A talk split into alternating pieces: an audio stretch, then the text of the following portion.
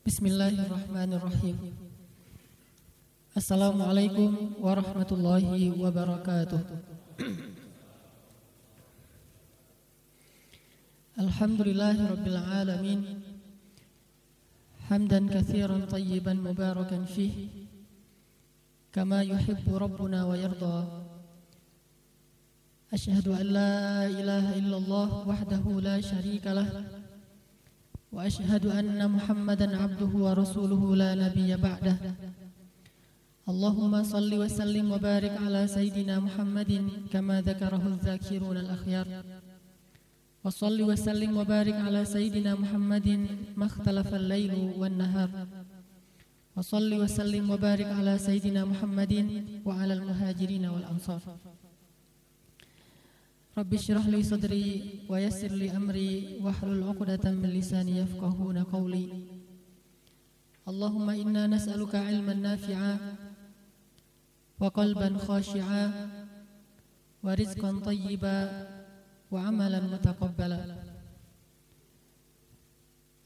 Ikhwah sekalian, sahabat-sahabat yang dimuliakan Allah Subhanahu wa taala.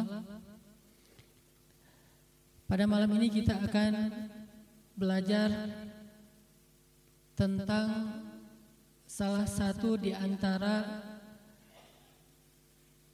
rahasia atau kunci kesuksesan dakwah Nabi Shallallahu Alaihi Wasallam.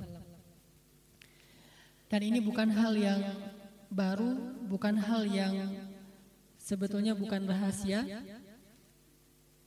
Semua ulama sepakat bahwa salah satu kunci kesuksesan dakwah Nabi Shallallahu Alaihi Wasallam itu adalah terletak pada akhlak beliau.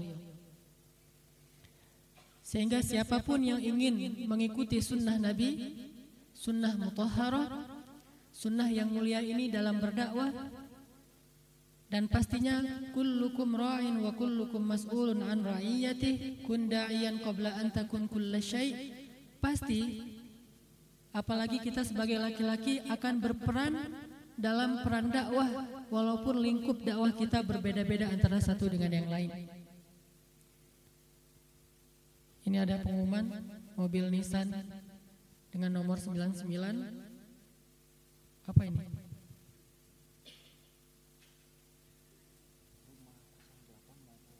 Oh, rumah pasang delapan mau keluar jadi nggak bisa keluar terhalang oleh mobil Nissan. Ini nomor platnya ya 99 ya XI silakan yang punya mobil Nissan 99 XI agar memindahkan kendaraannya. Tadi sampai di mana? Sampai di mobil Nissan. Siapa pun yang ingin sukses dakwahnya walaupun lingkup dakwahnya kecil tidak sebesar dakwah Rasulullah SAW yang mendunia hanya sebatas dakwah di dalam keluarga. Kita yang udah rajin ngaji misalnya, lalu orang tua kita akan melihat apa yang berubah pada diri anak saya sejak dia rajin ke Masjid Al-Latif. Apakah dia jadi orang yang sering bicara tentang agama? Apakah dia jadi orang yang lebih pintar ngajinya? Apakah dia menjadi orang yang rajin ke masjidnya? Tetapi semua itu tidak akan menjamin kesuksesan dakwah sehingga orang tua kita mau meniru dan datang ke dalam majelis ilmu kecuali ketika dia melihat bahwa ada perubahan yang sangat baik dalam akhlak kita sejak kita belajar. Kita rajin ke masjid, orang tua kita bahagia. Kita jadi menghafal atau lancar membaca Al-Quran, orang tua kita merasa sangat bangga. Tetapi tidak ada yang lebih sukses daripada kunci akhlak untuk mengajak orang tua kita, saudara kita, keluarga kita, sahabat kita agar mau datang ke dalam majelis-majelis ilmu kecuali ketika mereka melihat akhlak kita jauh lebih baik sejak kita mengaji dalam majelis ilmu. Itulah salah satu rahasia suksesnya dakwah. Kita boleh gunakan metode apa pun dalam dakwah. Kita boleh baca buku apa pun tentang dakwah Nabi, tapi semua kajian tentang dakwah Nabi itu tidak akan lepas dari kajian tentang akhlak, dan setiap kali kita membaca ayat dan hadis yang berhubungan dengan dakwah, pada saat yang sama kita selalu akan menemukan ayat dan hadis berhubungan dengan akhlak. Karena itulah kunci kesuksesan dalam dakwah. Seorang suami yang ingin mendakwahi istrinya, akhlak. Seorang istri yang ingin supaya suaminya menjadi imam yang ideal adalah akhlak. Orang tua yang ingin mendidik, mentarbiah anaknya adalah akhlak. Anak yang ingin menyadarkan orang tuanya adalah akhlak. Begitu juga dalam lingkup yang lebih besar dari itu. Mulai dari hal yang paling kecil, maka yang paling menentukan sukses dan tidaknya dakwah kita itu ada di dalam akhlak kita. Sehingga pada malam ini kita akan belajar salah satu sudut pandang dalam membaca sirah atau salah satu metode dalam membaca sirah yang kalau para ulama menyebutnya dengan istilah mawaqifus sirah. Ini jarang dibahas mawaqifus sirah. Mawaqif artinya sikap-sikap Nabi dalam kondisi-kondisi yang berbeda kalau kita baca di dalam sirah beliau. Itu disebut dengan mawaqif as-sirah, mawaqifus sirah. Bagaimana Nabi menunjukkan sikap terbaik dalam kondisi tertentu dan sikapnya inilah sikap yang paling ideal pas sesuai dengan kondisinya.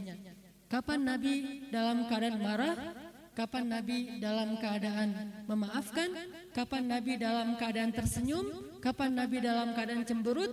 Bahkan cemberut itu juga sunnah Nabi. Selain juga tersenyum, tetapi kita harus tahu kapan itu digunakan. Dan ini semuanya masuk dalam metodologi membaca sirah yang disebut dengan istilah mawakif as-sirah. Sikap-sikap Nabi yang terbaca dalam sirah beliau. Tapi kalau kita membahas mawakifus sirah semuanya, ini nggak akan cukup waktu kita dalam satu jam setengah. Kita akan ambil satu saja. Mawakifus sirah di antara sekian banyak mawakif. Di antara sekian banyak sikap-sikap yang ditunjukkan oleh Rasulullah. Dan beliau adalah yang paling baik dalam sikapnya. Yang paling baik dalam akhlaknya. Dan dijamin oleh Al-Quran. Wa innaka la'ala khuluqin azim. Dan azimnya versi Allah ini azim banget. bukan cuma azim versi kita oh dia menakjubkan. Keren apa segala macam. Allah sendiri yang mengatakan akhlakmu wahai Muhammad itu keren banget. azim keren luar biasa. sehingga paling pantas kalau kita mau belajar sikap yang paling ideal dalam berbagai macam situasi itu adalah belajar dari Rasulullah Shallallahu Alaihi Wasallam. Dan dakwah beliau Allah sendiri yang, yang mengakui bahwa dakwahnya sudah berhasil. Dan Nabi sendiri juga bertanya kepada para sahabat apakah dakwahnya sudah berhasil? Para sahabat semuanya setuju dakwah Nabi sudah berhasil. Ijma sahabat itu maksum. Ijma'nya para sahabat pasti benar setelah Al-Quran dan hadis. Nabi bertanya kepada para sahabat dalam haji wada apa kata Nabi? Ala hal balagh Apakah aku sudah menyampaikan semuanya? Kata mereka, bala ya Rasulullah. Nabi menegaskan lagi, pengen lebih jelas. Ala hal balaghtu. Kata mereka, bala ya Rasulullah. Ala hal balaghtu. Bala ya Rasulullah. Engkau sudah menyampaikan semua dengan baik.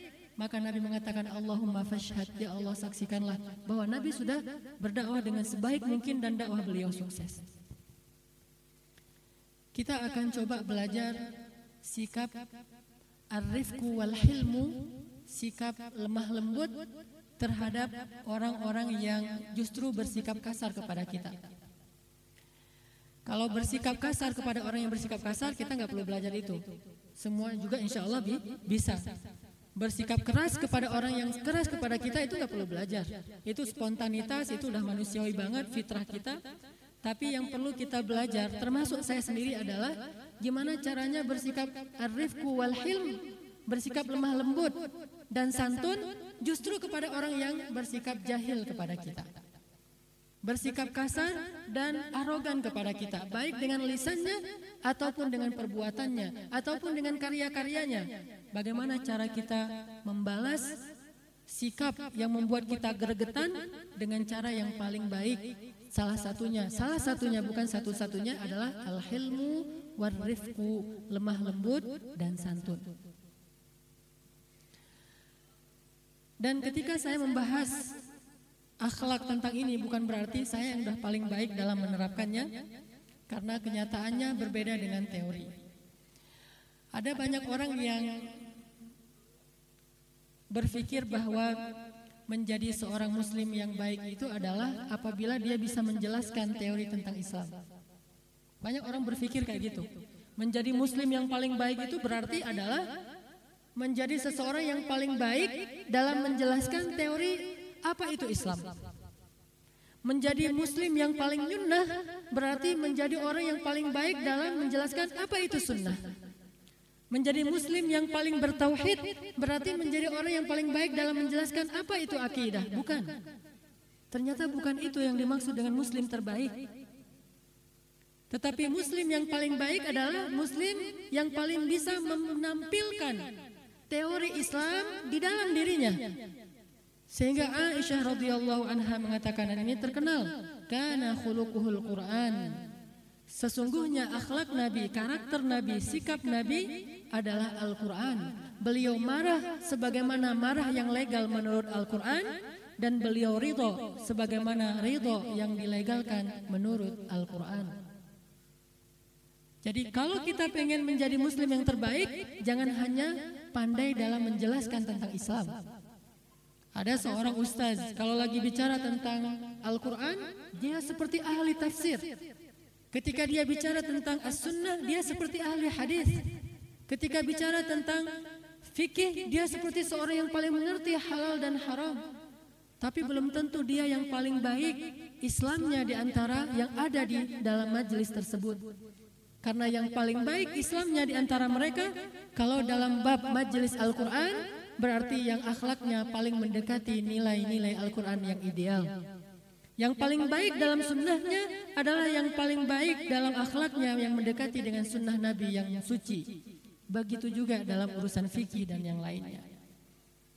Jadi kita sebagai muslim generasi ini generasi terbaik.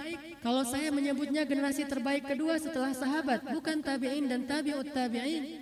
karena hadis Nabi sallallahu alaihi wasallam mengatakan Hujan yang paling baik itu adalah hujan yang baru turun dan yang sebelum berhenti. Para ulama mentawilkan hadis ini dengan kalimat bahwa yang dimaksud dengan hujan di sini adalah generasi. Generasi terbaik itu adalah generasi yang pertama dan yang terakhir.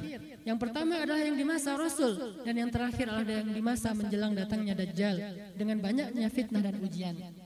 Kita adalah generasi terbaik kedua setelah Rasulullah, setelah sahabat kalau kita benar-benar berpegang teguh kepada agama. Tetapi berpegang teguh kepada agama bukan berpegang kepada teorinya untuk bisa menjelaskannya kembali kepada orang banyak. Bukan yang paling panjang artikelnya tentang Islam, bukan yang paling banyak jilid bukunya tentang fikih, tetapi yang paling baik akhlaknya dan sesuai dengan Al-Quran dan contoh sunnah Rasulullah SAW. Sehingga jadilah seorang muslim yang menampilkan keislaman, bukan yang menjelaskan keislaman. Jadilah seorang jamaah muslim, syababul muslimin, pemuda-pemuda Islam di Bandung yang menampilkan keislaman kita itu di hadapan semua umat, bukan menjelaskan keislaman kita di media, baik media cetak ataupun media elektronik atau di media sosial, bukan itu muslim yang sejati. Semua orang bisa melakukannya, bahkan orang munafik lebih baik dalam menjelaskan Islam daripada mukmin sejati. Orang munafik, baca surat Al-Munafikun. Kalau mereka bicara, kamu akan takjub mendengar ucapan mereka. Ternyata yang paling baik dalam menjelaskan teori tentang Islam itu bukan mukmin, justru munafikun. Justru orang-orang yang kalau di Indonesia mungkin muncullah kelompok-kelompok yang mengatasnamakan Islam, akan tetapi mereka tidak meyakini Islam dengan baik. Mereka hanya menggunakan bahasa-bahasa Islam untuk mendapatkan keuntungan darinya atau untuk mengaburkan makna Islam itu sendiri. Sebutlah misalnya aliran sekuler dengan liberalnya. Mereka lebih baik dalam menjelaskan Islam daripada kita. Kalau kita bertanya tentang Imam Al-Ghazali, mungkin mereka lebih mengenal Imam Al-Ghazali daripada kita yang mengaku sebagai pengikut Al-Ghazali. Kalau kita tanya tentang Imam Ibn Taimiyah, mereka membahas kitab Ibn Taimiyah itu lembaran lebih demi lembaran, halaman demi halaman. Bahkan kita tidak tahu judul dari kitabnya, tapi mereka tahu halaman-halamannya.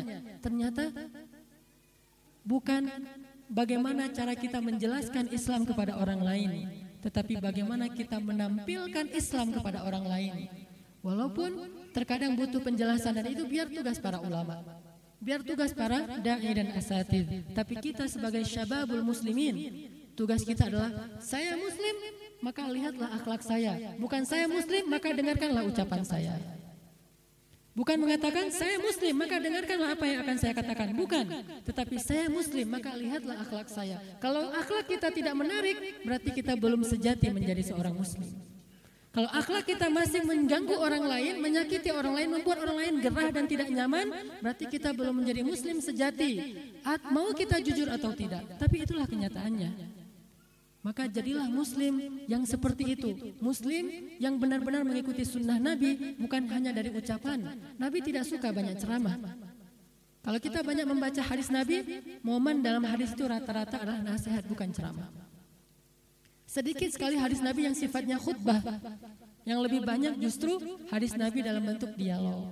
Ngobrol dengan sahabat, lagi di jalan, lagi duduk, atau ditanya oleh sahabat, baru Nabi menjelaskan. Tidak terlalu banyak. Padahal beliau lebih berhak untuk berbicara panjang daripada kita. Kenapa?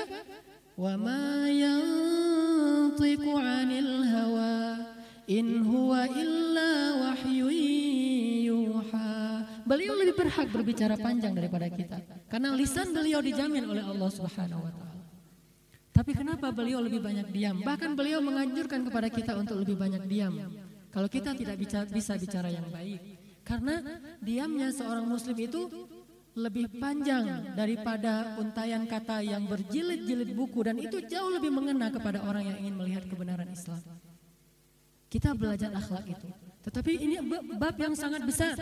Maka kita mempersempitnya agar tidak menyulitkan kita untuk memahaminya. Kita ambil satu saja di antara semua akhlak itu adalah al-hilmu war-rifqu terhadap orang-orang yang bersikap al-ghil atau kasar dan syiddah atau eh, kaku kemudian juga orang-orang yang jahil atau bersikap yang tidak pantas. Ada sebuah hadis yang sangat populer.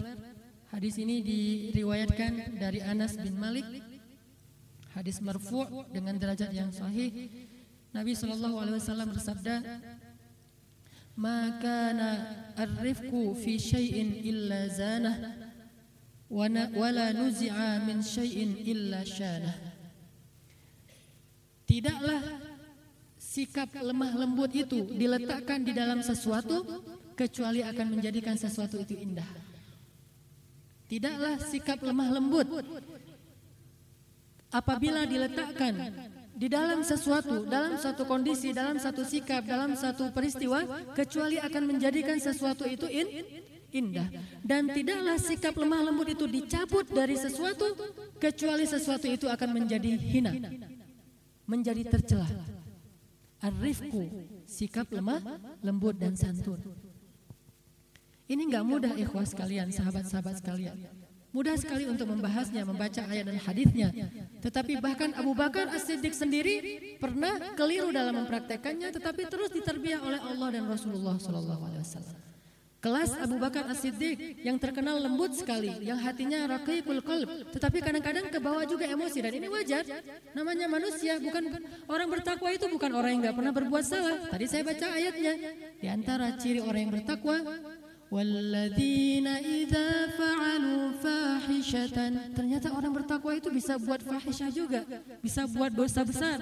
Au zalamu anfusahum atau menzalimi diri sendiri. Ternyata orang yang bertakwa pun bisa menzalimi diri sendiri.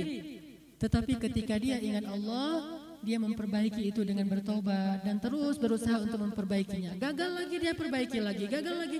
Bukan berarti kalau udah ngaji ke masjid terus dia jadi ideal sempurna nggak ada cacatnya, mustahil. Kita bukan jama'atun minal malaikah, kita jama'atun minan nas. Kita ini bukan jamaahnya malaikat, kita ini jamaah manusia. Dan saya sering mengulang-ulang statement ini. Sehingga jangan sampai kita menjadi orang yang perfeksionis kepada orang lain.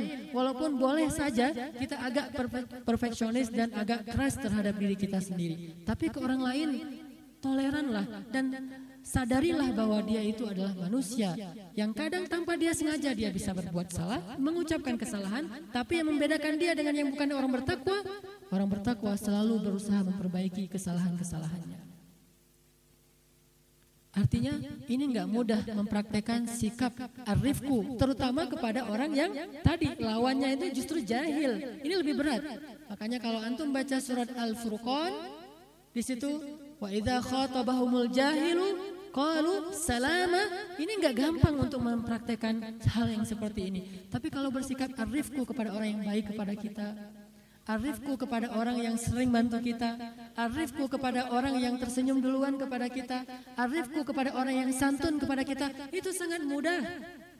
Karena jazaul hasanah hasanatu mislaha au amsalaha. Balasan dari satu kebaikan itu adalah kebaikan yang serupa atau berlipat ganda dari kebaikan itu. Itu sudah jadi sunnatullah. Tapi bagaimana membalas satu su keburukan justru dengan ahsan, dengan yang lebih baik.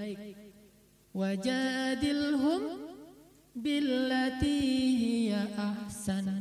Debatlah mereka. Debat itu kan nggak enak kan ya? Jarang kita ngelihat ada debat yang enak karena kalau debat itu enak namanya bukan debat, dialog. Diskusi itu enak tuh. Musyawarah, musyawarah aja kadang-kadang agak rame nih. Apalagi jelas-jelas namanya debat. Pasti rame tuh. Pasti akan gregetan banget tuh. Tapi Allah dalam situasi yang kayak gitu Allah mengatakan wajadilhum debat mereka tapi billati ahsan dengan yang jauh lebih baik akhlaknya, ucapannya, statementnya, uh, apa performnya dan seterusnya dengan yang lebih baik daripada yang mereka tampilkan. Dan ini hal yang butuh latihan. Bareng-bareng lah, saya juga latihan, kita semua latihan, gagal lagi, latih lagi, sampai suatu saat kita benar-benar bisa menampilkan Islam itu bukan dalam catatan-catatan kertas, tetapi dalam karakter diri kita, dalam akhlak kita, dalam keseharian kita. Sehingga ketika orang mau tahu Islam itu kayak gimana sih, nggak usah duduk dalam majelis kemudian dia baca buku. Kalau mau lihat Islam, lihatlah fulan. Mau lihat Islam, lihatlah mereka. Mau lihat Islam, lihatlah bangsa itu. Mau lihat Islam, lihatlah jamaah itu. Mau lihat Islam, lihatlah anakmu. Mau lihat Islam, lihatlah suamimu. Harusnya demikian. Bukan mau tahu Islam, bacalah buku ini, bacalah buku itu, bacalah judul ini dan itu. Ini belum berhasil dakwahnya kalau masih dalam taraf catatan di kertas.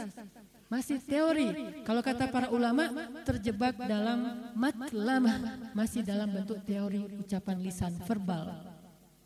Kalau mau lihat Islam, lihatlah jamaah alatif. Itu harus menjadi uh, target kita. Baru kalau kita udah bisa kayak gitu, baru namanya dakwah di alatif ini berhasil.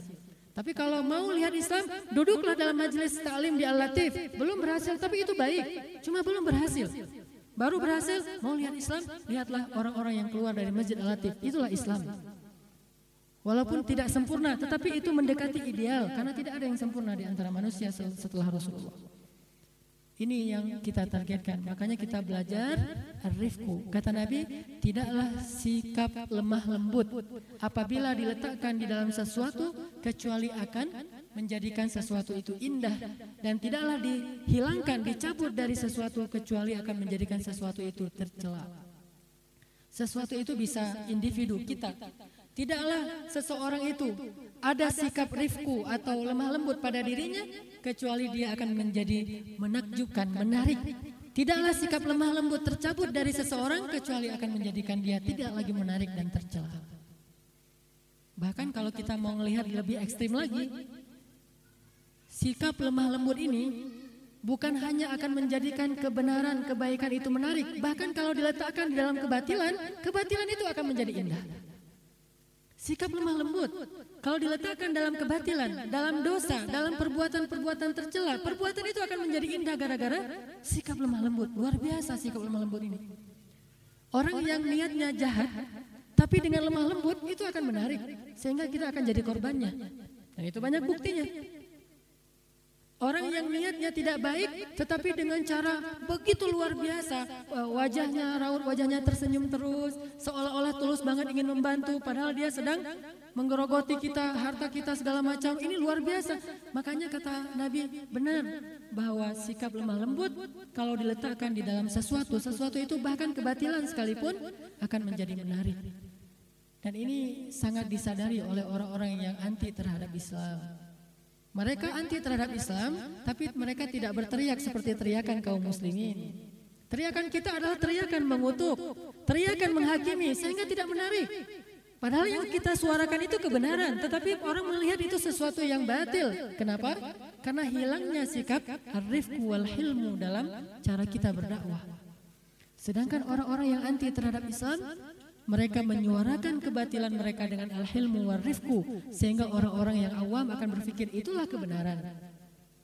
Mereka akan membahasakan dengan bahasa yang paling baik walaupun isinya adalah kebatilan semuanya dan mengajak orang kepada kemungkaran. Tetapi karena rifku itulah kebatilan mereka menjadi menarik. Tetap tidak mengubah kebatilan, tetap kebatilan apa pun bingkainya, tetapi dia menarik. Kebatilan, tetaplah kebatilan apa pun bingkainya. Karena al-haqul haq wal batil batil. Tidak ada perubahan dengan itu. Yang hitam-hitam, yang putih-putih. Tetapi kenapa ada orang yang senang pakai baju hitam? Karena baju hitamnya bagus misalnya. Kenapa ada orang yang tidak senang pakai baju putih? Karena desainnya jelek. Jadi ini bukan soal hitam putih, tetapi soal bingkainya. Dan ternyata itu berpengaruh. Dan Nabi sendiri mengatakan demikian. Artinya harusnya kita lebih berhak menggunakan arif wal hilmu karena kita sedang menyuarakan kebenaran dari Al-Quran dan hadis ketimbang mereka yang menyuarakan kebatilan. Tapi kenapa sikap ini justru muncul dari orang-orang yang anti terhadap agama Islam? Memangnya Amerika akan mengatakan bahwa kami akan membunuh semua anak muslim yang ada di Palestina? Tidak. Kami akan membunuh semua muslim yang ada di Irak? Tidak. Mereka bilang apa? Kami datang untuk perdamaian. Kami datang untuk ham, hak asasi manusia. Kami datang dengan membawa uh, misi uh, pendidikan. Begitu dulu ketika Yahudi pertama datang ke Palestina di zaman Izzuddin Al-Qassam. Begitu dulu ketika Inggris datang ke Palestina di zaman Izzuddin Al-Qassam, mereka mengatakan kami datang untuk berbagi ilmu tentang teknologi dan pendidikan sehingga orang-orang di Palestina semuanya merasa berjasa Inggris ini dengan datang ke Palestina. Mereka senang kepada orang-orang Inggris. Bahkan banyak pemuda-pemuda Palestina yang menggunakan pat, uh, apa kalung salib karena saking bangganya kepada orang-orang Inggris pada saat itu. Tapi mereka sangat tidak suka dengan para ulama. Kenapa tidak suka dengan para ulama? Karena para ulama menyuarakan kebenaran mereka dengan mengutuk. Mengutuk orang Inggris. Walaupun mereka juga sebetulnya dengan kalimat itu mungkin pantas Allah alam tetapi tidak pantas untuk didengar. Hanya Allah yang pantas mengatakan hal yang demikian. Wa ghadiballahu alaihim wa la'anahum. Allah murka kepada mereka dan mengutuk mereka. Apakah Nabi pernah mengatakan itu tidak, kecuali dalam kasus-kasus yang paling berat baru Nabi mengungkapkan kalimat-kalimat seperti ashabul qiroda, la'anahullah dan seterusnya, tapi jarang. Lebih seringnya arif wal hilmu. Ini yang harus kita lihat. Sekarang kita coba baca satu ayat tentang kisah Abu Bakar menghadapi orang Yahudi yang nyeleneh. Dan ini kan kebiasaannya Bani Israel ya jadi nggak usah heran kalau Bani Israel atau orang-orang Yahudi baik yang mereka bersua, uh, berbicara atau membuat sebuah uh, artikel atau bahkan membuat film, film-filmnya pasti akan ada sindiran-sindiran terhadap Islam dan itu biasa. Dari sejak zaman Nabi Musa, jangankan agama Islam, agama mereka sendiri juga dihina sama mereka. Taurat dihina, Nabi Musa dihina, Nabi Yosua, Yusha dihina, Zakaria dihina, Yahya dihina, Isa dihina, terus yang terakhir Rasulullah SAW. Dan Abu Bakar pernah menghadapi kasus yang seperti ini. Bertemu dengan orang Yahudi Bani Israel, lalu orang Yahudi itu berucap sesuatu yang nyeleneh tentang Allah Subhanahu wa taala. Allah merekam itu di dalam surat Ali Imran ayat 181. Coba kita buka. Surat Ali Imran ayat 181.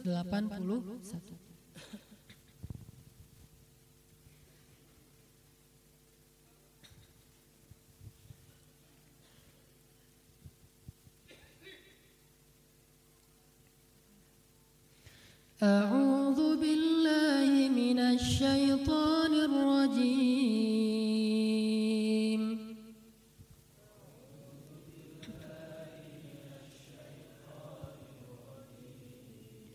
بسم الله الرحمن الرحيم.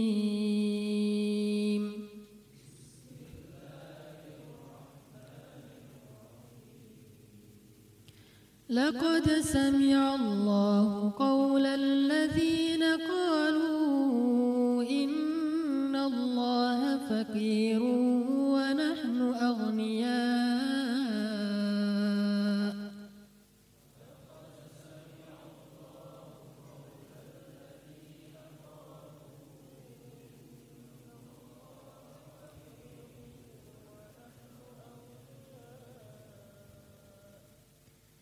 سنكتب ما قالوا وقتلهم الأنبياء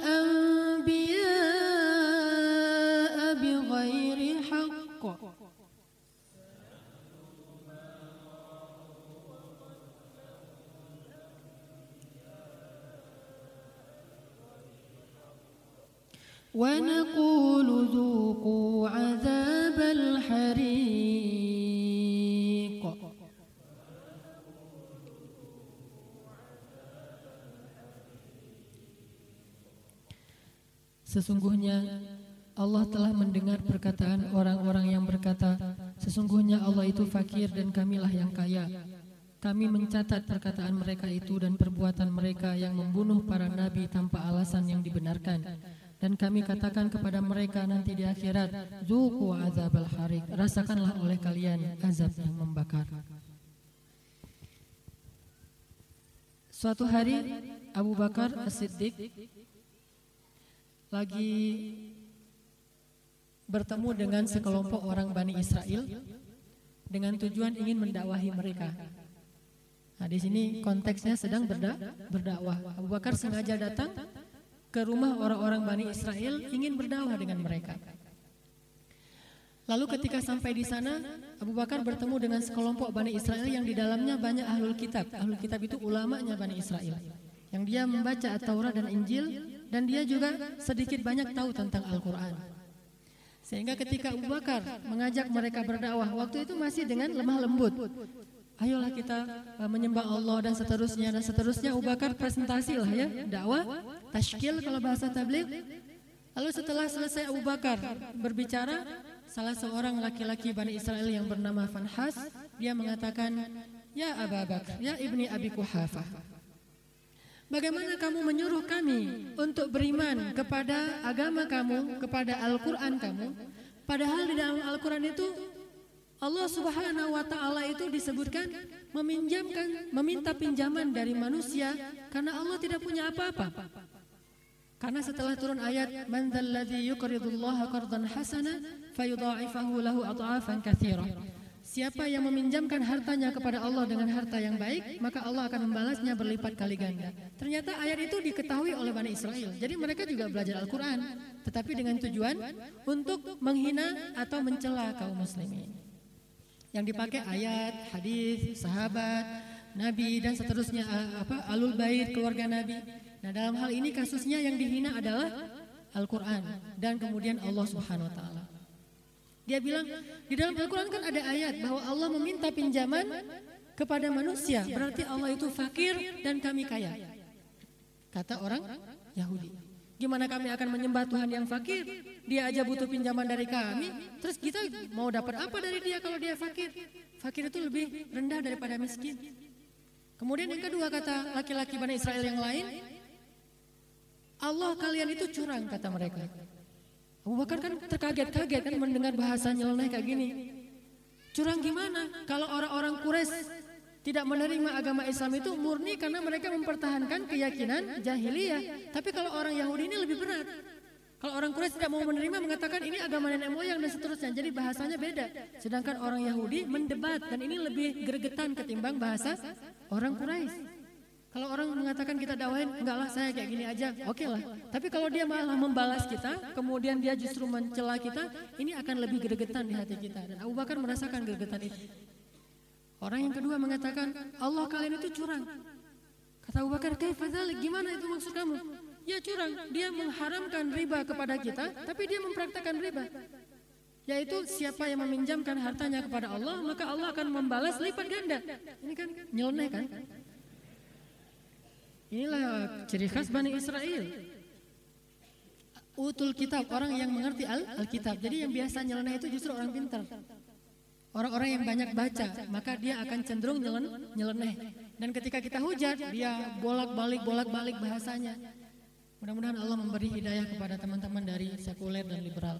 Karena mereka suka nyeleneh. Mungkin dulu di Sunan Ampel yang UIN, mereka mengatakan Tuhan membusuk lalu dijadikan sebagai spanduk atau dulu ada di antara mereka mengatakan Tuhan Allah itu Tuhan apa eh, dewa eh, dewa air. Ada lagi bahasa-bahasa yang lain banyak. Termasuk orang Hollywood lebih sering lagi tuh nyeleneh karena memang Bani Israel kan Yahudi. Mereka mengatakan Tuhan tidak bisa menolong Tuhan tidak bisa ini Tuhan yang bisa itu. Atau mungkin yang cukup fenomenal yang sama-sama tahu lah bahwa di dalam film Titanic itu dikatakan Tuhan pun nggak bisa menenggelamkan jangan pura-pura nggak nonton. Tuhan pun nggak bisa menenggelamkan kapal ini kan gitu kan ya? Ah, ini kan bahasa-bahasa nyeleneh. Dan ternyata Allah tunjukkan bahwa nggak tahu itu benar apa enggak, apa sekedar fiksi yang jelas, itulah kebiasaan Bani Israel. Tuhan kalian itu curang, Tuhan kalian itu fakir. Setelah mereka berkali-kali menghujat Allah dengan bahasa-bahasa yang cukup gerenggetan membuat Abu Bakar marah, akhirnya Abu Bakar menamparlah salah satu di antara mereka yang bernama Fanhas, ditampar Abu Bakar. Karena ditampar, akhirnya Fanhas marah, udah gitu, uh, ramai gitu, didamaikan, akhirnya Abu Bakar pulang. Apa yang terjadi berikutnya? Insya Allah setelah salat isya ya. Barakallahu li.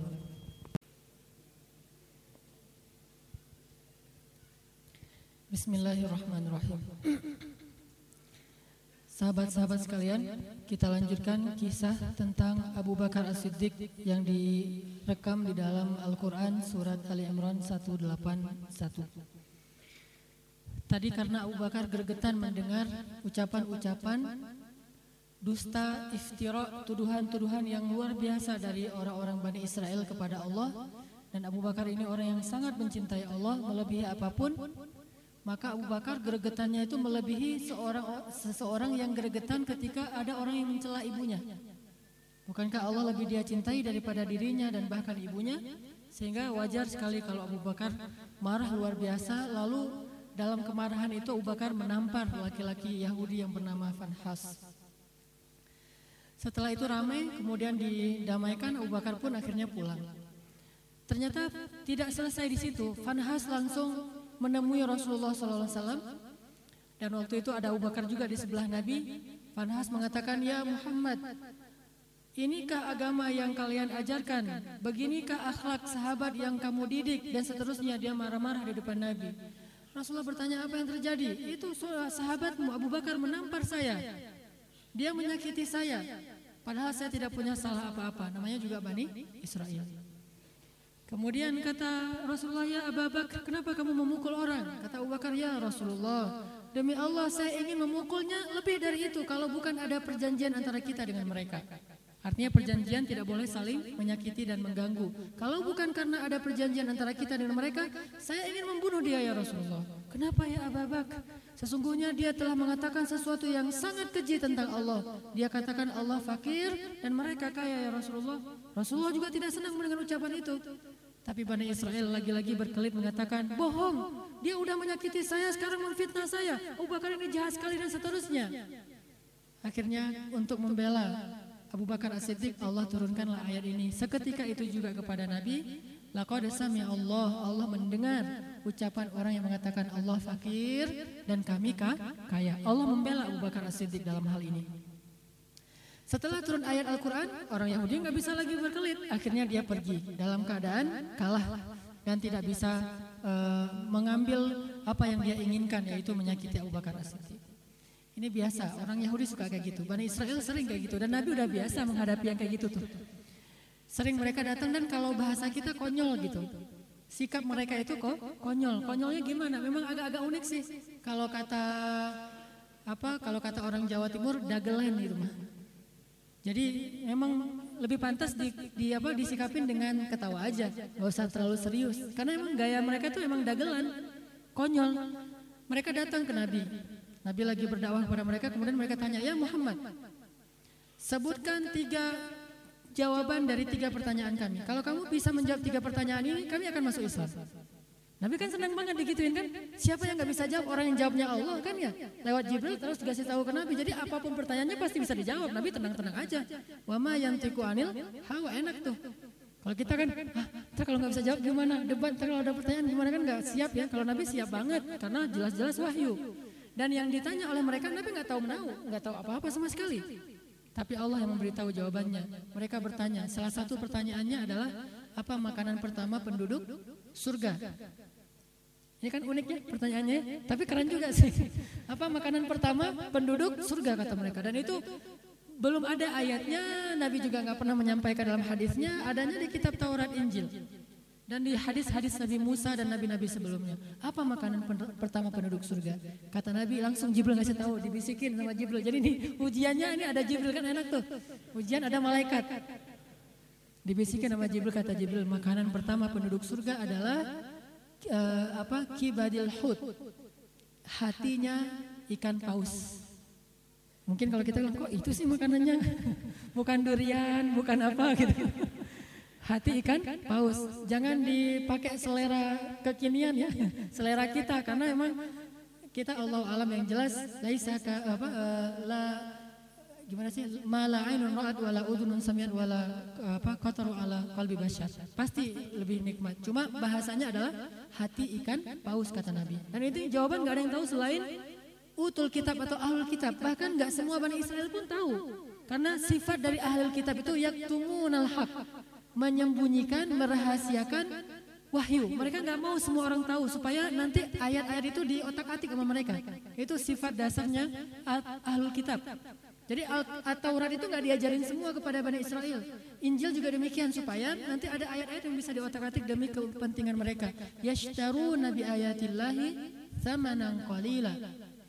Ketika Nabi sudah bisa menjawab, mereka lirak-lirik, lirak-lirik gimana? Tadi udah bilang mau masuk Islam.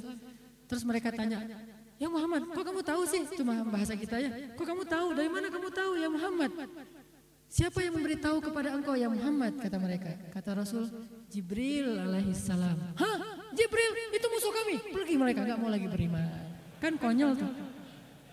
Dagelan kan ya? Hanya gara-gara soal Jibril. Jadi nggak ada Bani Israel nama anak mereka tuh Gabriel tuh nggak ada. Kenapa? Karena mereka paling benci kepada malaikat Kana adu man kana aduwwan li Jibril fa innahu nazzalahu ala qalbik. Terus Allah katakan siapa yang memusuhi Jibril, Mikail, Rasul, Allah seterusnya dan Allah adalah musuh bagi mereka. Jadi Bani Israel ini sangat benci kepada Jibril. Makanya banyak film-film Hollywood itu di versuskan Jibril, Gabriel versus Michael, Mikail. Michael itu selalu baik, dia membela Adam, dia pro kepada manusia, sementara Jibril itu sebetulnya memfitnah iblis, sehingga iblis yang jadi korban. Kambing hitamnya iblis, padahal penjahatnya, antagonisnya adalah Gabriel. Kayak gitu-gitu lah bahasa film Hollywood itu Bani Israel banget, nggak perlu kuat, nggak perlu er, apa uh, bingung lagi, jelas gitu. Mereka sangat benci kepada Jibril. Kenapa mereka benci kepada Jibril?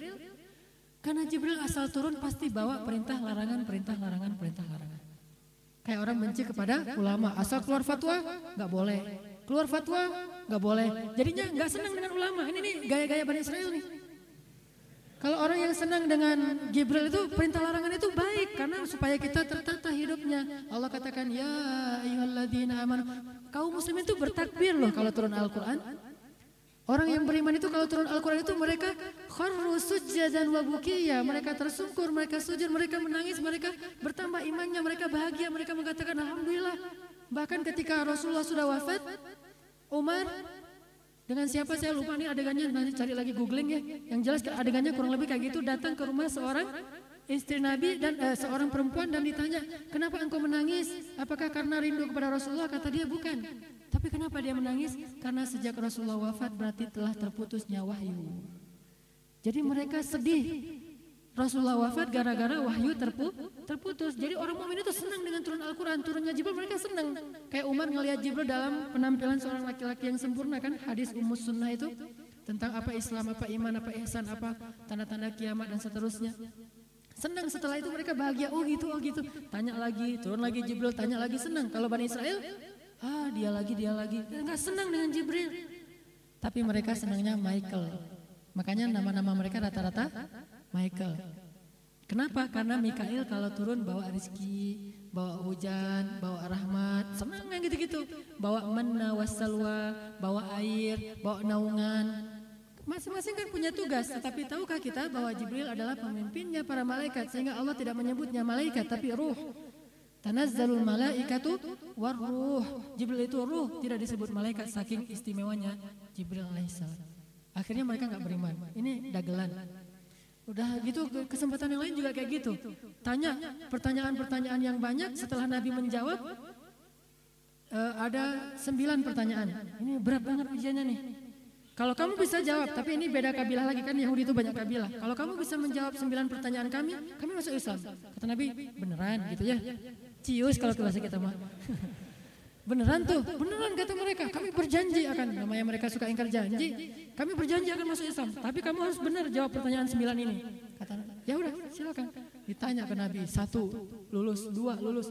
Yang ke sembilan ini mereka deg-degan. Bisa juga Nabi menjawab sembilan pertanyaan, Termasuk yang sembilan itu adalah uh, apa perintah, apa uh, perintah Allah untuk kami dalam hal urusan hari. Kata Nabi, Allah memerintahkan kalian mensucikan hari Sabat, yaitu hari Sabtu. Setelah selesai sembilan pertanyaan Nabi bisa menjawab, mereka mengatakan, uh, Nabi bertanya, apakah kalian sekarang sudah mau masuk Islam? Kata mereka, ya Muhammad. Dulu Daud itu pernah bersumpah kata mereka. Jadi buat-buat gitu ceritanya. David, Daud itu pernah bersumpah. Apa sumpahnya? Demi Allah, saya tidak akan ridho jika ada di antara nabi setelah saya yang bukan dari keturunan saya, kata mereka. Makanya bintangnya bintang David, Daud. Tapi itu bukan Daud yang nabi ya Allah yang sebenarnya. Daud hanya memakai namanya tapi dengan doktrin yang berbeda. David bersumpah dan dia mengatakan, saya tidak akan ridho jika ada nabi setelah saya yang bukan dari keturunan saya itu Bani Israel. Jadi wahai Muhammad, maaf, kami takut Daud marah jadi kami nggak jadi beriman. Itu gayanya Bani Israel. Apakah Nabi kemudian kayak gitu terus marah kepada mereka? Ya udah Nabi pergi.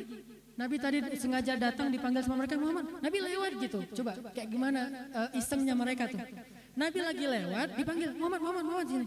Nabi turun dari keledainya, kemudian duduk. Ada apa Nabi? Senang gitu, kirain mau beriman. Ini tak kasih pertanyaan, Nabi jawab nggak mau. Nabi pergi. Besok kejadiannya sama lagi kayak gitu aja terus.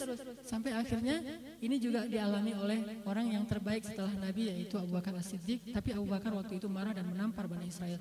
Tapi di depan Bani Israel Allah nggak mau menghujat Abu Bakar. Ini etika Allah kepada sahabat. Begitu sayangnya Allah kepada Abu Bakar As-Siddiq. Padahal menurut Allah itu keliru. Tapi Allah nggak mau ngomong itu di depan Bani Israel. Ntar ketahuan lagi ayatnya dihujat lagi kan? Coba, oh Abu Bakar tuh kan ayatnya tentang lu tuh salah makanya turun ayat. Enggak, enggak boleh karena Bani Israel ini suka mencari-cari kesalahan. Wala tajassasu, jangan cari-cari kesalahan dia meng, apa, mengintai gitu. Cari-cari mana ayat yang bisa kita serang kaum muslimin. Maka Allah tidak turunkan ayat itu di depan Bani Israel. Diturunkan ayat membela Abu Bakar dan menghujat Bani Israel yaitu 181. Ternyata setelah Bani Israel pergi, Allah nasihati Abu Bakar dengan ayat yang lain. Ini etikanya. Ayatnya di mana? sama di halaman itu, tapi ayat paling bawah ayat 186. Coba baca ayat 186. Surat Ali Imran. Di halaman yang sama tapi di posisi paling bawah. Di ayat 186 Allah mengatakan la tublawunna fi amwalikum wa anfusikum wa la tasma'unna utul kitaba قبلكم ومن الذين أشركوا أذى كثيرا ولا تسمعن dari situ coba kita perhatikan dan kalian pasti akan mendengar kata Allah pas Pasti. Dan kalian pasti akan mendengar dari orang-orang yang ahli kitab dari sebelum kalian dan orang-orang yang musyrik adzan kathira, ucapan yang menyakiti yang sangat banyak. Pasti kalian akan mendengar itu. Jadi jangan heran, jangan panik kalau kalian mendengar mereka nyeleneh, kalau kalian mendengar mereka menghujat Islam, kalau kalian mendengar mereka buat film anti Islam, kalau kalian mendengar mereka demo untuk membakar Al-Quran, jangan panik, biasa aja. Justru disikapi dengan cara yang luar biasa. Di Amerika mereka membakar Al-Quran.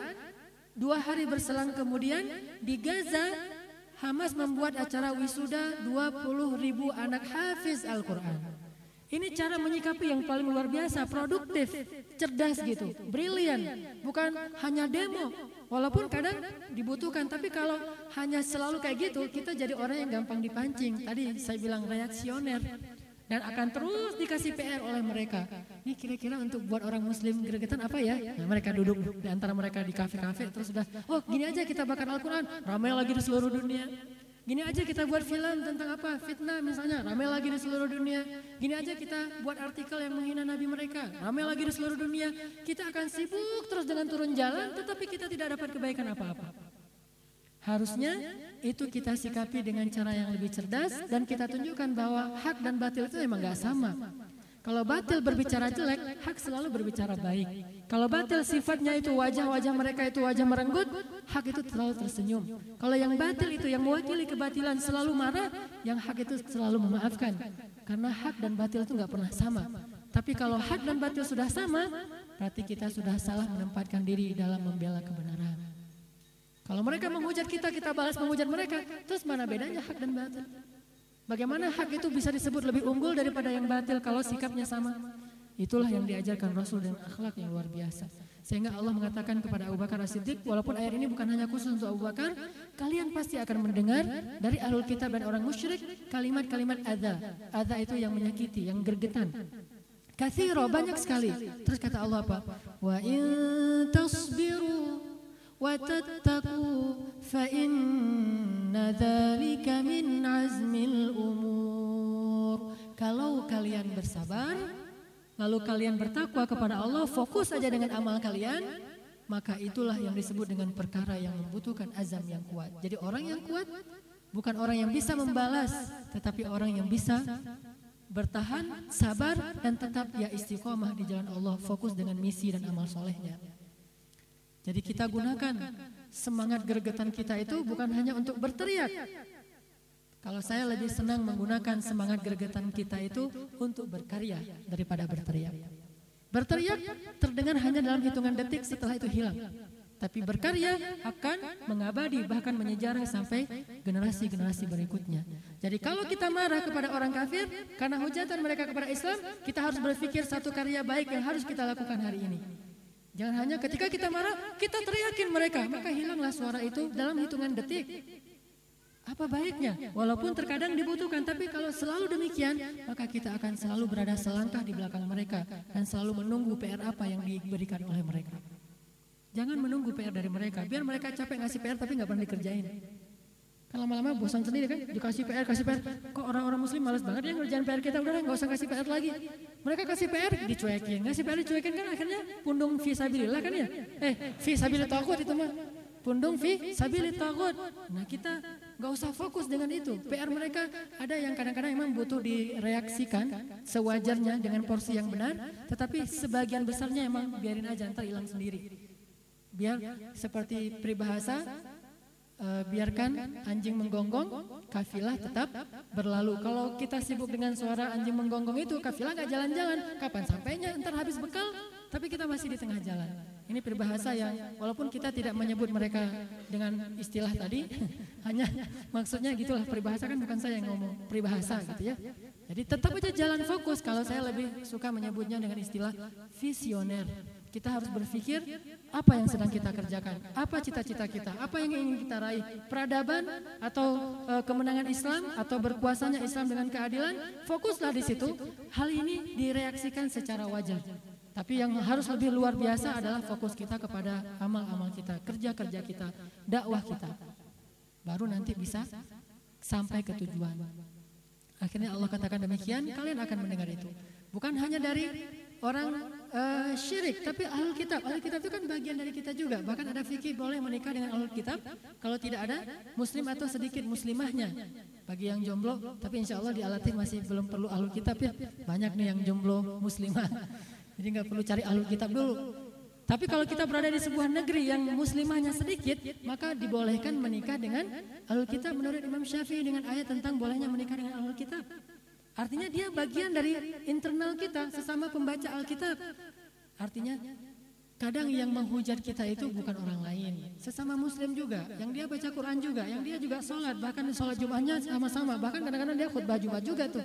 Tapi dia menghujat Islam, maka dari itu gak usah heran, kalian pasti akan mendengar itu dari mereka, dan mereka bukan orang bodoh, mereka bukan orang yang lemah, maka kalau kalian ingin menguasai dan mengalahkan mereka, jangan mengalahkan mereka dengan suara kalian, tapi kalahkanlah mereka dengan sikap dan akhlak kalian. Karena hati itu tidak dikuasai dengan kekerasan, hati itu dikuasai dengan lemah lembut dan dengan akhlak yang mulia. Makanya Allah mengatakan la ikraha fiddin. Kenapa Allah bilang la ikraha fiddin? Karena nggak akan pernah berhasil ikrah dalam agama. Agama itu urusan keyakinan. Jadi nggak akan berhasil memaksakan keyakinan orang, nggak akan mungkin. Tapi berhasil dengan cara akhlak sehingga kalimatnya wa baina qulubikum. Maka Allah melembutkan lalu melunakkan hati kalian. Jadi takliful qulub sehingga orang yang sedang dibujuk hatinya itu disebut muallaf. Bukan orang yang baru masuk Islam, orang yang sedang dibujuk hatinya. Jadi orang yang kalau misalnya kita ada teman non muslim nih, pengen ngebujuk dia supaya sama-sama dapat hidayah, mudah-mudahan nanti di akhirat bertemu di surga, maka caranya kita jadikan dia mu'allaf. Gimana maksud menjadikan dia mu'allaf? Kita jadikan dia orang yang sedang kita bujuk. Dibujuk dengan berbagai hal, termasuk membujuknya dengan harta, bisa membujuknya dengan jabatan, bisa membujuknya dengan pergaulan, dengan persahabatan, bisa membujuknya dengan bantuan-bantuan, tetapi tidak boleh memaksanya. Bahkan termasuk memaksa ketika dia butuh, kita bantu dengan syarat masuk Islam itu nggak boleh, itu haram. Karena itu termasuk memaksa. Mereka kan begitu. Kalau ada yang sakit nggak ada obat, nggak bisa berobat, ditawarkan obat gratis tapi masuk agamanya. Kalau kita nggak boleh kayak gitu. Kalau kita mau bantu dia, kalau kita mau ngasih dia kebaikan, jangan dalam uh, tema dia sedang terpojokan atau sedang dalam kesulitan dan nggak ada pilihan. Dan itu namanya memaksa. Umar pernah terjebak di situ. Ada seorang wanita tua punya banyak hutang, Nasrani, datang kepada Umar, Umar Amirul Mukminin minta dibayarkan hutangnya. Ya Amirul Mukminin, bantu saya bayar hutang saya. Saya nggak punya keluarga, nggak punya wali, saya wanita tua, nggak punya pekerjaan. Kata Umar, berapa hutang ibu? Beberapa dinar. Kemudian Umar kemudian membayarkan hutangnya. Nggak lama setelah itu ngelihat ternyata wanita itu pakai kalung salib. Agamanya Kipti, agama Ortodok, Kristen Ortodok. Umar kemudian berpikir, oh saya ajak aja nih, ya ibu, Ibu udah ngelihat kan Islam itu baik? Ya kata dia. Kenapa ibu nggak masuk Islam? Diajak dalam uh, dalam waktu yang sama ketika Umar membantu. Padahal Umar nggak maksa, cuma ah sekalian bantu, sekalian ngajak kan gitu ya maksudnya Umar. Ternyata dia bilang enggak saya mah wanita yang sudah tua, udah nggak sanggup mikiran kayak gitu-gitu. Yang penting hidup saya saya jalanin aja. Nah, gitu itu dia nggak mau mikir tentang yang mana yang benar, mana yang salah. Yang penting saya hidupnya udah saya jalanin aja. Setelah itu Umar jadi berpikir, lah tadi saya termasuk memaksakan enggak? Dia tanya kepada Ali dan kata Ali itu termasuk ikroh, memaksakan. Akhirnya Umar beristighfar, minta ampun kepada Allah, datang ke ibu itu lagi minta maaf. Kenapa minta maaf ya Amirul Mukminin? Gara-gara saya ngajak ibu untuk masuk Islam ketika saya membantu ibu itu enggak boleh dalam Islam. Luar biasa, akhlak Islam, la ikroh hafiddin. Tapi kalau udah masuk Islam, ada konsekuensi, dipaksa untuk menjalankan syariat. Sebagaimana Nabi mengatakan seandainya bukan khawatir keselamatan perempuan dan anak-anak, aku ingin membakar rumah orang-orang yang nggak pernah ke, mas, ke masjid. Berarti kan dipaksa kan? Itu kepada muslim, memang dipaksa menjalankan syariat secara bertahap. Setelah ditarbiyah, dididik dulu. Kenapa? Analoginya gampang. Nggak ada yang maksa orang untuk masuk organisasi kita. Kita nggak boleh maksa orang, ayo masuk organisasi kami, apa uh, misalnya komunitas kami, nggak boleh maksa-maksa. Tapi kalau sudah masuk organisasi dia harus ikut rule, SOP, uh, eh, berbagai macam aturan yang ada di organisasi itu. Tapi nggak dipaksa untuk masuk. Sama kayak misalnya uh, nggak dipaksa untuk masuk ke sebuah masjid. Tetapi kalau udah masuk dia harus menghargai adab-adab masjid. Jangan masuk ke masjid sesuka dia. Tapi kalau misalnya dia nggak mau masuk juga nggak akan dipaksa. Begitulah aturan dalam Islam. Makanya non Muslim nggak usah khawatir kalau kita mau menerapkan syariat. Pastinya hanya untuk Muslim saja. Bahkan kalau ada orang Muslim bilang ke temannya non Muslim, lu pakai jilbab lo, nggak boleh itu. Biarkan dia nggak pakai jilbab. Katakan saja kepada muslimah agar mereka menutup auratnya. Non Muslim biarkan dia dengan tidak menutup auratnya. Non Muslim biarkan dia dengan uh, ritualnya. Non Muslim biarkan dia dengan syariatnya. Lakum dinukum wali yadin masing-masing kita punya cara sendiri-sendiri. Tidak boleh saling mengganggu. Jadi kalau kita mau menerapkan syariat di negara ini itu nggak ada hubungannya dengan non muslim. Jadi mereka nggak usah khawatir. Misalnya undang-undang pornografi pornoaksi diterapkan untuk kaum muslimin ya. Berarti nggak usah khawatir. Kalian terserah. Kalian mau berzina bukankah itu zina itu tidak ada dalam hukum mereka? Tapi ada dalam hukum kita. Dan kita tidak akan merajam non muslim yang berzina. Karena bukan bagian dari syariat mereka Artinya, tapi kalau dia udah masuk Islam, maka dia punya konsekuensi dari syahadatain. Konsekuensinya sholat, puasa, zakat, haji dan seterusnya. Tapi dengan batas kemampuannya, la yukallifullahu nafsan illa usaha. Itulah sahabat-sahabat sekalian. Banyak sebetulnya yang bisa kita bahas dari hal ini. Dan intinya adalah mari kita belajar lemah lembut dan santun. Bahkan ketika Nabi Musa dan Nabi Harun, Allah itu kan tahu banget siapa Musa ya Musa nggak sengaja mukul orang mati kan? Udah gitu malaikat datang ditonjok buta mata malaikat.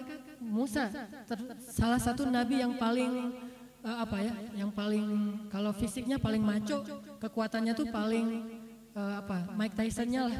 Mike Tyson-nya para nabi gitu. Paling kuat tuh kalau nonjok orang langsung mati itu Musa. Nah Allah tahu Musa hambanya yang satu ini orangnya keras gitu. Tapi di sebelahnya ada yang sangat lembut Abu Bakarnya yaitu Harun. Lalu Allah berfirman kepada mereka berdua, "Wa lahu." Ucapkanlah kepada Firaun. Firaun bukan ayah kita, bukan ibu kita Firaun loh. Bukan suami tapi Firaun, bukan istri tapi Firaun. Bayangin, nggak ada orang yang lebih uh, celaka daripada Firaun di antara manusia. Katakanlah kepada Firaun itu qaulan layyinan, ucapan yang lemah lembut. Bayangin. Terus gimana dengan ayah kita, dengan ibu kita? Masa kita yang udah rajin ngaji biasanya tuh agak gampang gregetan tuh kalau udah rajin ngaji terus orang tua kita mempertanyakan, kamu dari mana aja? Dari masjid. Ngapain? Soal kayak cerita kemarin teman dari Makassar kan ke diskotik ke mana orang tuanya nggak masalah tapi giliran ke masjid orang tuanya nggak percaya di telepon kamu ada di mana nih lagi nonton lagi ngapain misalnya uh, dugem orang tuanya oh ya ya ya tapi giliran di mana kamu? Lagi itikaf di masjid. Hah? Ngapain kamu di masjid? Heran kan orang tua. Karena ada yang kayak gitu. Rajin ke masjid taklim terus sudah mulai ada perubahan. Rajin tahajud jidatnya mulai hitam. Celananya di atas mata kaki. Mulai uh, luar biasa. Akhirnya orang tuanya ini aliran apa nih? Jangan-jangan nih radikalisme terorisme dan seterusnya. Kan gitu. Sehingga orang tua kita tanpa mereka pahami dan belajar itu namanya orang tua ke anak khawatir karena kekhawatiran kadang-kadang agak emosi, kadang-kadang agak terlalu uh, apa underestimate, kadang-kadang terlalu membatasi. Nah, di situ kita kadang-kadang agak gergetan. Apalagi kita yang baru sadar nih masih ada semacam walaupun nggak harus tepat istilahnya ya istilah saya aja puber spiritual. Gimana puber spiritual? Baru merasa suci, semuanya kotor di mata kita. Jadi baru taubat nih, suci lagi semangat-semangatnya. Wah ini celah banget nih, ini apa ini ahli ini.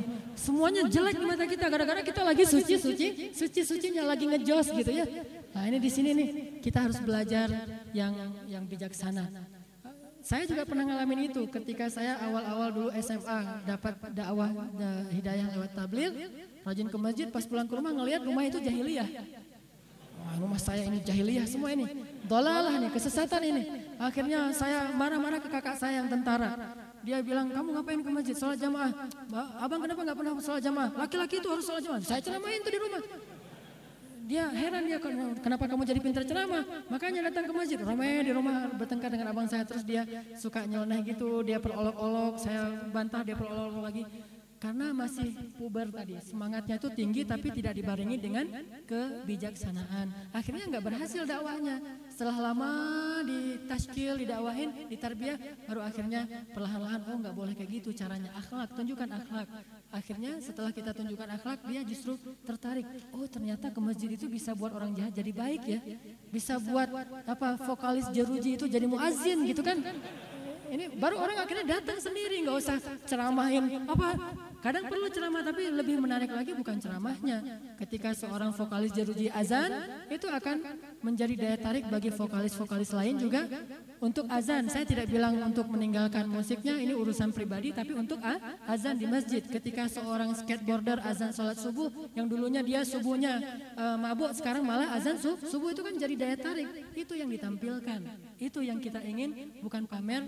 Ini urusan hati mudah-mudahan Allah menjaga kita dari riak tetapi kita kita ingin agar orang semuanya tahu bahwa ke masjid itu memperbaiki akhlak.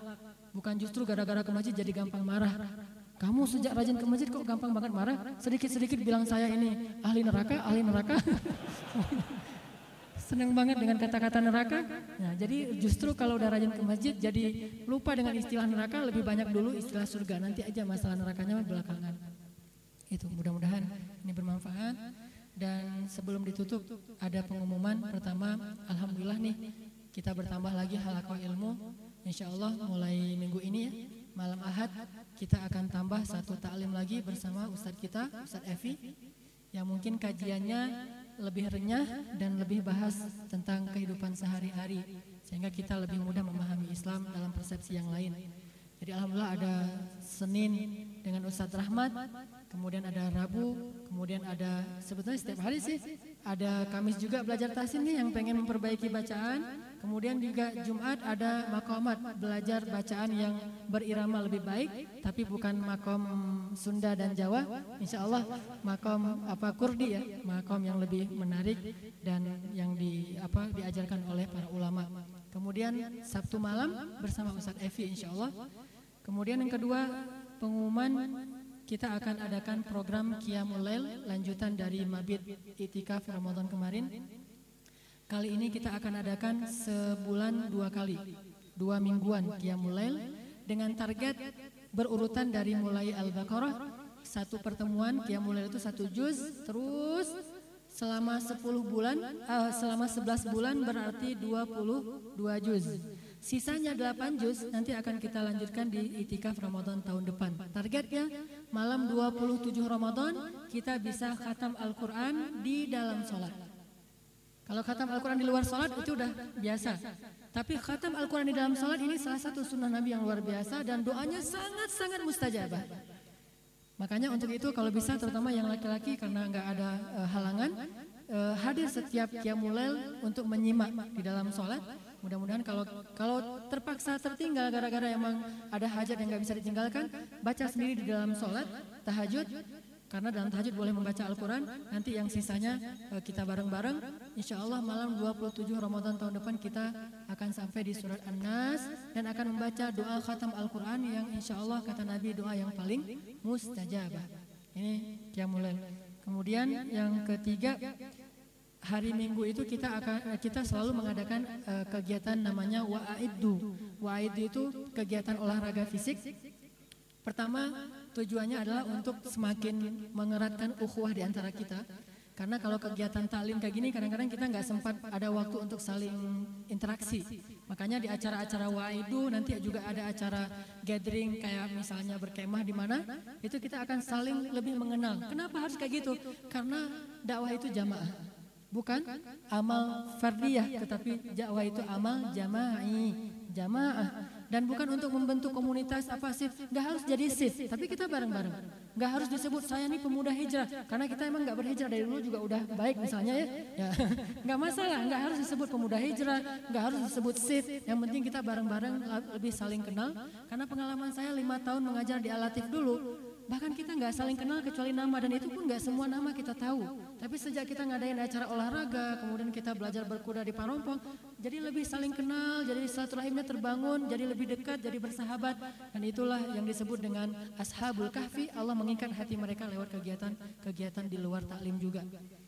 Kemudian nanti juga akan ada materi sedikit setelah olahraga uh, materi hadis-hadis seputar urusan fisik. Uh, apa motivasi olahraga dalam Islam. Ternyata olahraga itu nggak semata-mata masalah kesehatan tapi juga sunnah yang sangat dianjurkan. Terus uh, six pack itu bukan hanya masalah kekinian ya. Six pack itu kayaknya Nabi Musa itu six pack banget kayaknya tuh ya. Paling six pack itu Nabi Musa tuh.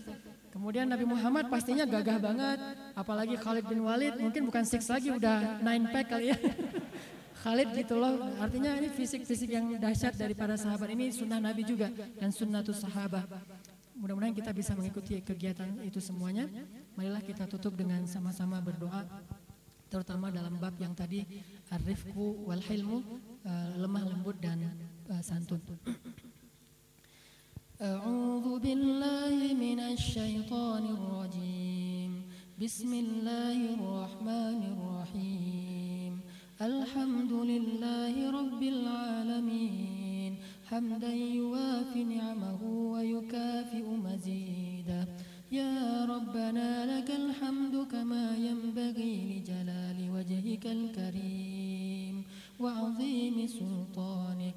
اللهم اغفر لنا ولوالدينا وارحمهما كما ربيانا صغارا. اللهم اغفر لنا ذنوبنا وإسرافنا في أمرنا. اللهم ربنا ظلمنا أنفسنا ظلمنا أنفسنا ظلمنا أنفسنا ظلما كثيرا. فإنه لا يغفر الذنوب إلا أنت. فاغفر لنا مغفرة من عندك وارحمنا. إنك أنت الغفور الرحيم ya Allah siang malam kami melakukan dosa. Bahkan kami melakukan dosa ketika kami sudah tahu bahwa itu adalah laranganmu ya Allah. Kami selalu kalah di hadapan syaitan dan hawa nafsu kami sendiri ya Allah. Siang malam kami menzolimi diri kami sendiri ya Allah. Siang malam kami berkhianat kepadamu dengan mata kami ya Allah. Berkhianat kepadamu dengan lisan kami ya Allah Berkhianat kepadamu dengan telinga kami ya Allah. Berkhianat kepadamu dengan fikiran kami ya Allah. Berkhianat kepadamu dengan hati kami ya Allah. Berkhianat kepadamu dengan tangan dan kaki kami ya Allah. Siang malam kami berbuat dosa secara sembunyi-sembunyi. Seolah-olah kami berpikir engkau tidak melihat dan mendengarnya. Padahal kami tahu engkau maha melihat dan maha mendengar ya Allah. Tapi kami lupa akan hal itu karena kami ditutupi oleh hawa nafsu dan syaitan. Ya Allah kami ulangi lagi perbuatan dosa yang kami telah sesali di masa yang lalu. Kami ulangi lagi perbuatan dosa setelah kami mengaku bertaubat kepadamu ya Allah. Tetapi apabila kami tidak kembali kepadamu, adakah bagi kami Tuhan selain Engkau ya Allah? Tidak ada Tuhan yang tempat kami kembali kepada kepadanya kecuali kepada Engkau ya Allah. Kalau kami berdosa, lalu kami tidak meminta ampun kepadamu, adakah yang bisa mengampuni dosa kami selain Engkau ya Allah? Sungguh hanya Engkau yang bisa mengampuni dosa ya Allah. Meskipun kami untuk kesekian kalinya mengulangi kesalahan yang sama, maafkanlah kami ya Allah. Kuatkanlah kami untuk benar-benar bisa meninggalkan dosa itu selama-lamanya dari hidup kami ya Allah. Janganlah engkau jadikan kami orang-orang yang mati di ujung hayat kami dalam keadaan sedang bermaksiat dan berbuat dosa ya Allah. Sungguh besar dan banyak dosa-dosa kami, tetapi kami menganggapnya kecil sehingga kami enggan bertobat kepadamu, ya Allah. Ya Allah, ampunkanlah dosa kami, rahmati kami, ampunkan dosa orang tua kami, ayah dan ibu kami, ya Allah. Sungguh mereka tidak mengerti, seandainya mereka mengerti sebagaimana apa yang kami mengerti, pasti mereka juga akan bertobat sebagaimana kami bertobat, ya Allah. Seandainya mereka tahu bahwa dosa itu akan berat sekali tanggungannya di akhirat, pasti mereka akan meninggalkan dosa itu ya Allah. Tapi mereka belum mengerti dan berikanlah mereka pemahaman jika mereka masih hidup ya Allah. Dan ampunkanlah mereka dan rahmati mereka jika mereka telah wafat ya Allah. Mereka hidup di zaman yang berbeda dengan zaman kami. Dulu sedikit taklim, sedikit ulama, mereka sibuk untuk merawat kami sampai mereka tidak sempat belajar agama ya Allah. Mereka sibuk mencari nafkah untuk kami sehingga mereka tidak berpikir untuk memperbaiki amal soleh mereka ya Allah. Maafkanlah mereka ya Allah. Sungguh itu semuanya pasti karena beban-beban yang kami berikan kepada mereka ya Allah. Ibu kami tidak sempat berpikir tentang bagaimana menghijabi auratnya dengan syar'i karena dia sibuk untuk mencari nafkah untuk kami, untuk merawat kami, menyusui kami, membimbing kami. Semua pikiran dan tenaganya dia curahkan untuk kebaikan kami ya Allah. Sungguh beban kamilah yang membuat mereka jauh dari Engkau ya Allah. Maafkanlah kami dan maafkanlah mereka ya Allah. Ya Allah, berikanlah kami hati yang selalu khusyuk dalam mengingatmu ya Allah. Jangan jadikan hati kami ini hati yang nyaman dalam kelalaian. Jangan jadikan hati kami ini hati yang membatu, yang tidak bisa mendapatkan getar-getar iman ketika mendengar dan membaca ayat-ayatmu ya Allah. Jangan jadikan hati kami seperti hati orang-orang yang telah engkau murkai di antara Bani Israel. Jangan jadikan hati kami seperti hati Firaun yang telah datang dua nabi sekaligus kepadanya tetapi tidak bermanfaat hidayah baginya. Padahal engkau telah mendatangkan bagi kami banyak para ulama, banyak para guru untuk mendakwahi kami, tetapi semua itu hanya menjadi sia-sia. Kami berlindung dari sikap hati yang seperti itu, dari hati yang keras membatu seperti itu, ya Allah. Ya Allah, ya Tuhan kami. Anugerahkanlah kepada kami sikap lemah lembut dan santun. Maafkanlah sikap kasar kami, Maafkanlah sikap-sikap kami yang tidak mencerminkan seorang muslim. Kami mengaku sebagai orang yang beragama Islam tetapi kami tidak mencerminkan agama Islam. Kami mengaku orang yang membaca Al-Quran tetapi kami tidak mencerminkan akhlak Al-Quran. Kami mengaku paling setia mengamalkan dan menghidupkan sunnah tapi tidak mencerminkan sunnah Nabi-Mu yang mulia ya Allah. Maafkanlah kami karena kealpaan kami. Kami ini bodoh ya Allah. Kami salah lalu kami mencoba untuk memperbaikinya lagi. Kami salah lagi dan memperbaikinya lagi ya Allah. Maafkanlah sikap kasar kami kepada ibu kami ya Allah. Harusnya kami tidak pernah mengatakan uf sekalipun kepada ibu dan ayah kami ya Allah. Harusnya kami yang sudah rajin ke masjid mencontohkan kepada adik-adik kami, kakak-kakak kami bagaimana akhlak kepada orang tua. Tetapi kenyataannya orang yang tidak pernah ke masjid jauh lebih baik akhlaknya dari kami yang sudah rajin ke masjid. Maafkanlah kami ya Allah. Orang mencela agama ini bukan karena agama ini tercela, tetapi karena kami tidak menunjukkan kemuliaan agama ini dalam akhlak kami ya Allah. Ya Allah perbaikilah akhlak kami kepada ibu kami ya Allah. Perbaikilah akhlak kami kepada ayah kami ya Allah. Perbaiki Perbaikilah akhlak kami kepada keluarga kami ya Allah. Perbaikilah akhlak kami kepada anak kami ya Allah. Jangan sampai anak kami meniru yang buruk dari kami ya Allah. Jangan sampai anak kami belajar kata-kata yang buruk itu justru dari kami ya Allah. Jangan sampai anak kami ini belajar marah yang tidak terkendali justru dari ayah dan ibunya ya Allah. Maafkan kami ya Allah. Waj'alna lil muttaqina imama. Jadikanlah kami teladan yang baik bagi anak-anak kami ya Allah. Maafkanlah kami yang telah memberikan teladan yang buruk dan contoh yang tidak terpuji kepada keluarga kami ya Allah. Ya Allah, anugerahkanlah kepada kami kelapangan dada sehingga kami bisa bersikap bijaksana kepada orang-orang yang berbuat jahat dan jahil kepada kami ya Allah agar dengan sikap bijaksana itu engkau mengangkat derajat kami ya Allah dan juga memberikan hidayah kepada mereka ya Allah ya Allah Anugerahkanlah malam ini kepada kami ilmu yang bermanfaat. Bukan hanya ilmu yang terngiang-ngiang dalam pikiran kami, tetapi ilmu yang bisa menjadi lakon kehidupan kami, yang bisa menjadi karakter dalam keseharian kami ya Allah. Ilmu yang kemudian menjadi memperbaiki akhlak-akhlak kami ya Allah. Allahumma inna nas'aluka ilman nafi'a. Allahumma inna nas'aluka ilman nafi'a. Allahumma inna nas'aluka ilman nafi'a. Rabbana atina fid dunya hasanah wa fil akhirati hasanah wa qina adzaban nar. Wa sallallahu ala sayyidina Muhammad wa ala alihi wa sahbihi ajma'in. Walhamdulillahi rabbil alamin.